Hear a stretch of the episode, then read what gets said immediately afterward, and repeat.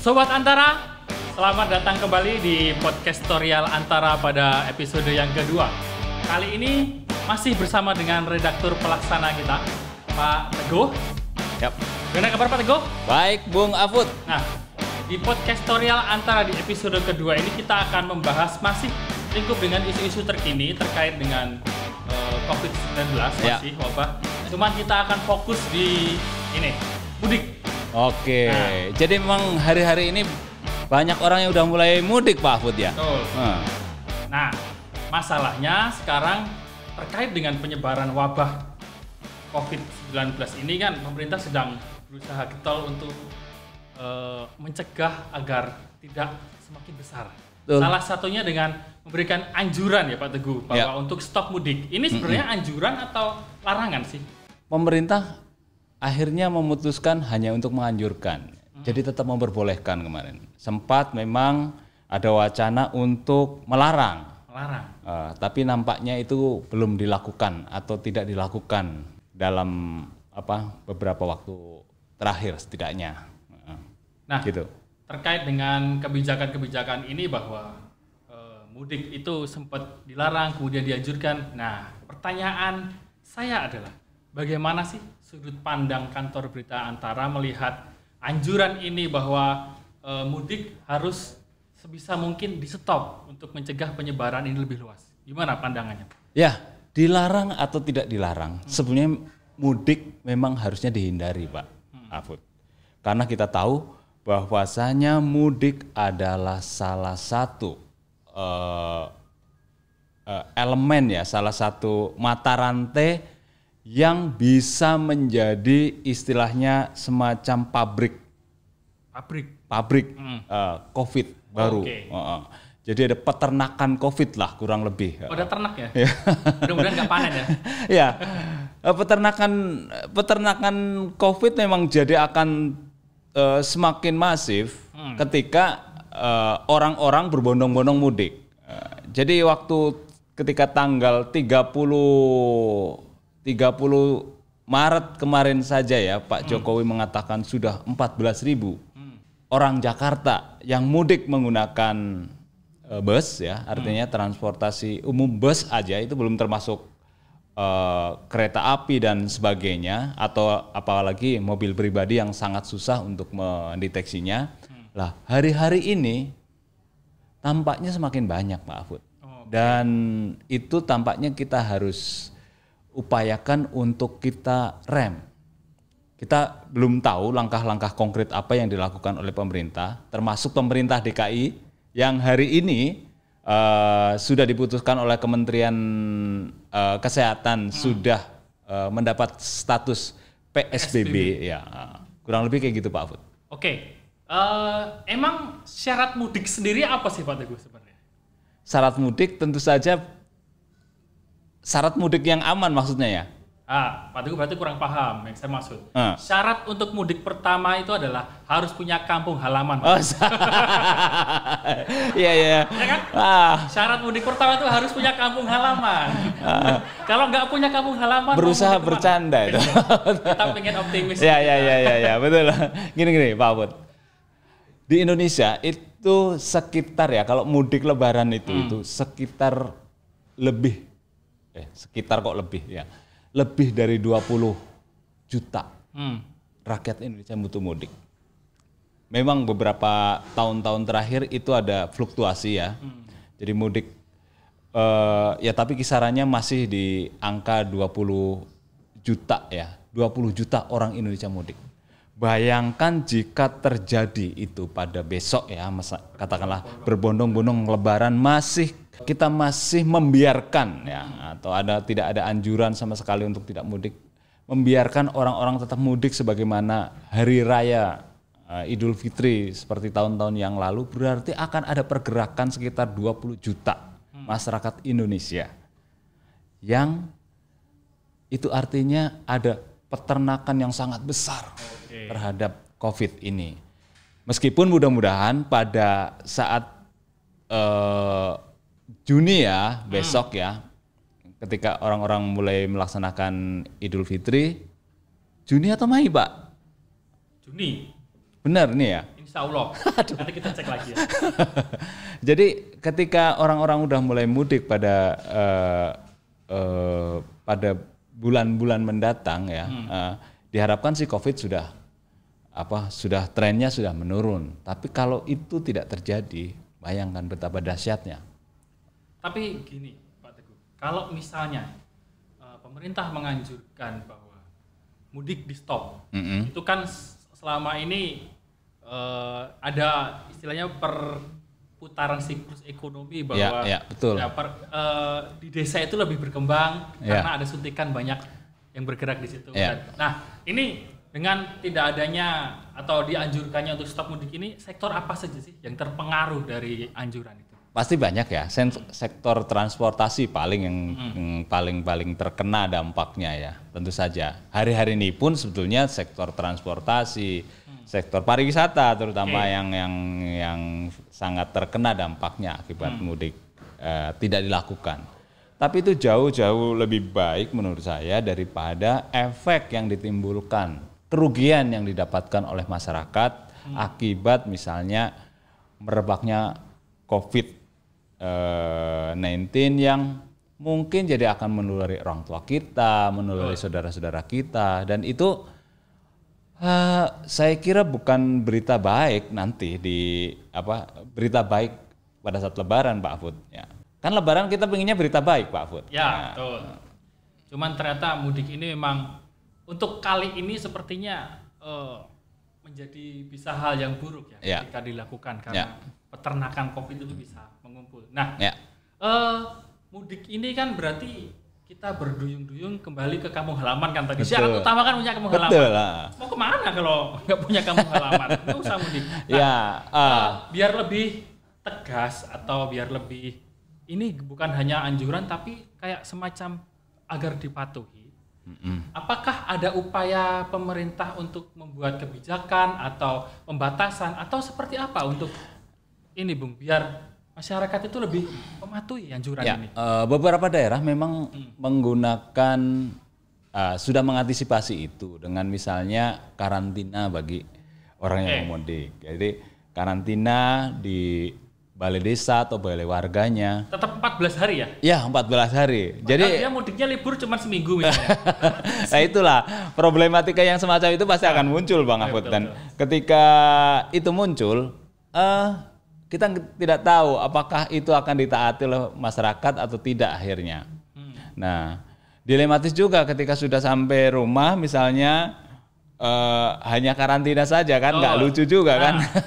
Cuma di kamar. Nah, eh, eh, cuma di kamar atau semacamnya. Nah, memang paling bagus adalah eh, tidak mudik, puasanya Hmm. diperpanjang gitu. Artinya puasa Ah. mudiknya gitu loh. Oh, saya pikir puasanya diperpanjang. Ya, Jadi kayak puasa jadi orang harus puasa mudik untuk tahun ini. Ya itu mungkin ujian bagi kaum muslimin lah ya. Hmm. Eh, bahwasanya puasa tahun ini bukan saja puasa eh, menahan lapar dan lap- nafsu. lapar dan nafsu saja, tapi menahan untuk tidak mudik saya Betul, kira. betul, betul. Tapi eh, sempat muncul wacana waktu itu pemerintah akan mengganti libur ya. Ya. Istilahnya memundurkan atau nanti eh, biar masyarakat tidak berbondong mudik di waktu yang sama, Ya. liburnya ini dialihkan. Ya. Itu efektif atau gimana? Bu? Eh, saya kira eh, saya nggak tahu ya apakah itu akan efektif atau tidak ya.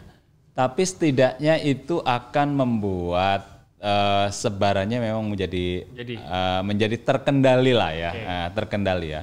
Paling baik memang pelarangan Pak Afud. Hmm. Nah, tapi apakah itu akan memiliki implikasi-implikasi yang lebih lebih memiliki risiko? Saya kira juga harus diperhitungkan, perhitungkan, terutama dalam soal ekonomi masyarakat dan apakah itu juga akan ya membuat masyarakat menjadi lebih lebih lebih banyak ya berkonflik lah ya artinya kayak gitu ya. Artinya eh, hari-hari ini mereka ya yang sudah work from home aja misalnya pasti cukup merasa apa ya merasa harus eh, eh, ya harus harus memiliki manajemen jiwa yang cukup ya sehingga dia tetap bisa memiliki jiwa yang sehat gitu ya Nah itu memang upaya-upaya yang semacam itu memang harus kita uh, ini kan ya.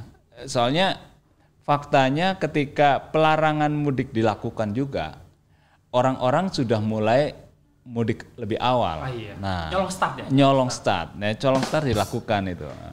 Nah, mudik yang lebih awal juga terjadi juga ternyata kan di India dan Hmm. semacamnya itu dan itu memiliki dampak yang saya kira kurang bagus juga ya di faktanya ya. Akhirnya jadi efektivitas pelarangan itu jadi nggak maksimal. Nah, Indonesia nampaknya meng- mencari jalan tengah ini Bang Hmm, Put. Mencari jalan tengah supaya eh, tidak dilarang tapi tetap memiliki efektivitas yang masih terukur kurang lebih kayak gitu. Itu langkah yang mungkin tidak drastis tapi menurut saya sih cukup bijak gitu ya. Cuma memang mungkin kita harus pastikan eh, pembatasan-pembatasan atau protokol-protokol yang ketat harus dilakukan.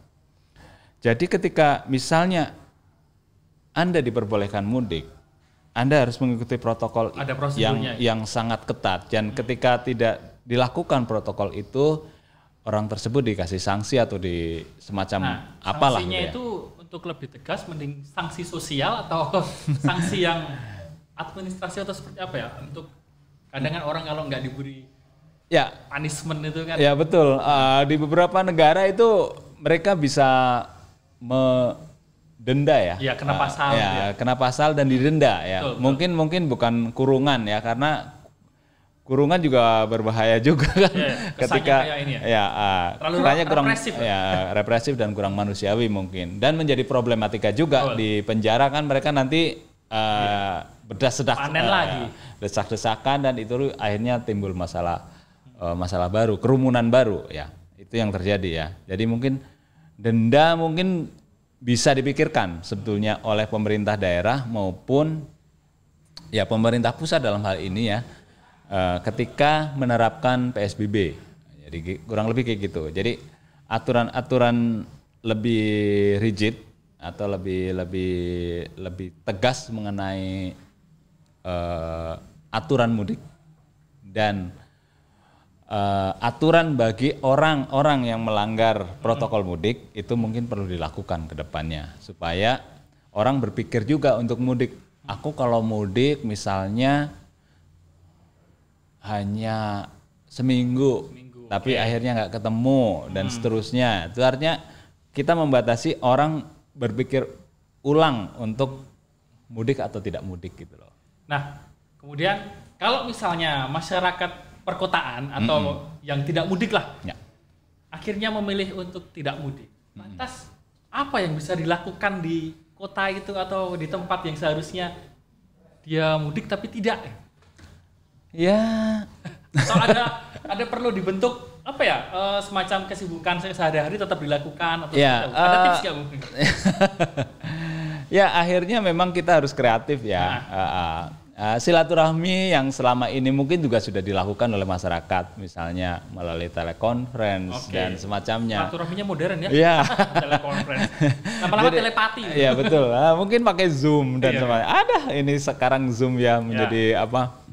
Menjadi aplikasi yang sangat Terus berarti Iya. angpaunya nanti pakai ini ya, imani atau apa gitu biasa gitu. Kalau soal transfer kan bisa aja pakai apa imani atau pakai apa namanya? Pakai Aplikasi-aplikasi itu ya. aplikasi yang sangat saya kira banyak gitu ya. Heeh. Lalu ini Bung, eh, saya panggil ini aja ya Pak Teguh aja lah. Kayaknya Bung kurang ini. Kalau misalnya Pak Teguh eh, akan mensosial campaignkan lagi tentang anjuran mudik ini, masyarakat baiknya gimana ini? Apakah mempersiapkan diri mulai sekarang menghadapi hal-hal larangan mudik atau lebih baik dia mencuri start? Ya. kan tadi sempat dibahas tuh ada yang mencuri start itu. ya, eh lebih baik memang tidak mudik. Oke. Eh, anjuran pertama adalah anjuran pertama, anjuran pertama adalah tidak mudik. Eh, kalau terpaksa mudik, Hmm. Nah, pertama taati protokol. Nah, terus kemudian pastikan juga kesehatan kita kita cek dulu lah ya. Rapid test hari-hari ini sudah mulai banyak dilakukan dan mudah-mudahan pada saat saatnya kita mudik nanti kita bisa melakukan tes sehingga kita betul-betul kita pastikan kita mungkin dalam keadaan bersih ya sehingga ke sana betul-betul tidak apa tidak, Tidak membawa membawa atau carrier tidak tidak tidak membawa virus kasihan keluarga kita yang di rumah ya. Betul. ah. Terus kemudian eh, saya kira bagus juga ketika setelah masa misalnya masa karantina di sana Hmm. kamar juga dipisah dengan ah jadi jadi ada barikade ya, se- Ya. semacam semacam ya semacam skat lah ya yang me, yang bisa membuat karantina mandiri di rumah masing-masing juga. Jadi bagaimanapun interaksi antara kita misalnya dengan orang tua kita yang mungkin ya eh, tingkat tingkat ketertularannya tinggi sehingga Tingkat rentan ya. Ya, mereka rentan. Padahal mereka kan ketika orang tua kan berarti memiliki tingkat kerentanan yang lebih serius daripada kita kita yang muda. Eh, saya nggak muda ya Pak Fud. Saya sih masih muda Pak Teguh. Ya kurang lebih kayak gitu ya. Jadi tingkat kerentanannya makin tua kan makin makin berbahaya saya kira. Hmm. Oke, tepuk tangan dong sobat-sobat antara.